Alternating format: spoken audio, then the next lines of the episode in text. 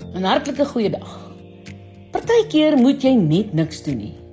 Toe Absalom Dawid se seun verraad gepleeg het en sy pa se troon omverwe gooi, was daar 'n man wat Dawid aanhoudend gevloek het en met stene gegooi het.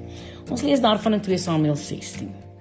Toe vra Seruja, se seun Abisai vir die koning: "Waarom vloek hierdie laa hond die koning?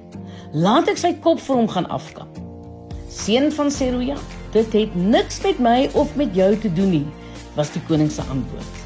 Hy vloek so omdat die Here hom beveel het om vir Dawid te vloek. Niemand moet nou vra waarom hy dit doen nie.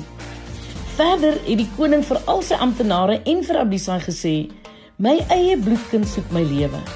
Daarom moet julle hierdie Benjamin met rus laat dat hy maar vloek, want die Here het hom die opdrag gegee." Miskien lê die Here op my ellende en beloon hy my met iets goeds vir vandag se vervloeking. En daardie dag het Absalom gesterf en was die troon herstel. So het die Here weer eens vir Dawid 'n tafel voorberei in die teenwoordigheid van sy teenstanders. So het ek ook al dikwels in my eie lewe ervaar hoe dat mense my te nagekom het. En ek het ook geleer uit talle voorbeelde uit die Bybel hoe dat mense karakters uit die Bybel sulke geleenthede net in die hand van die Here gegee het.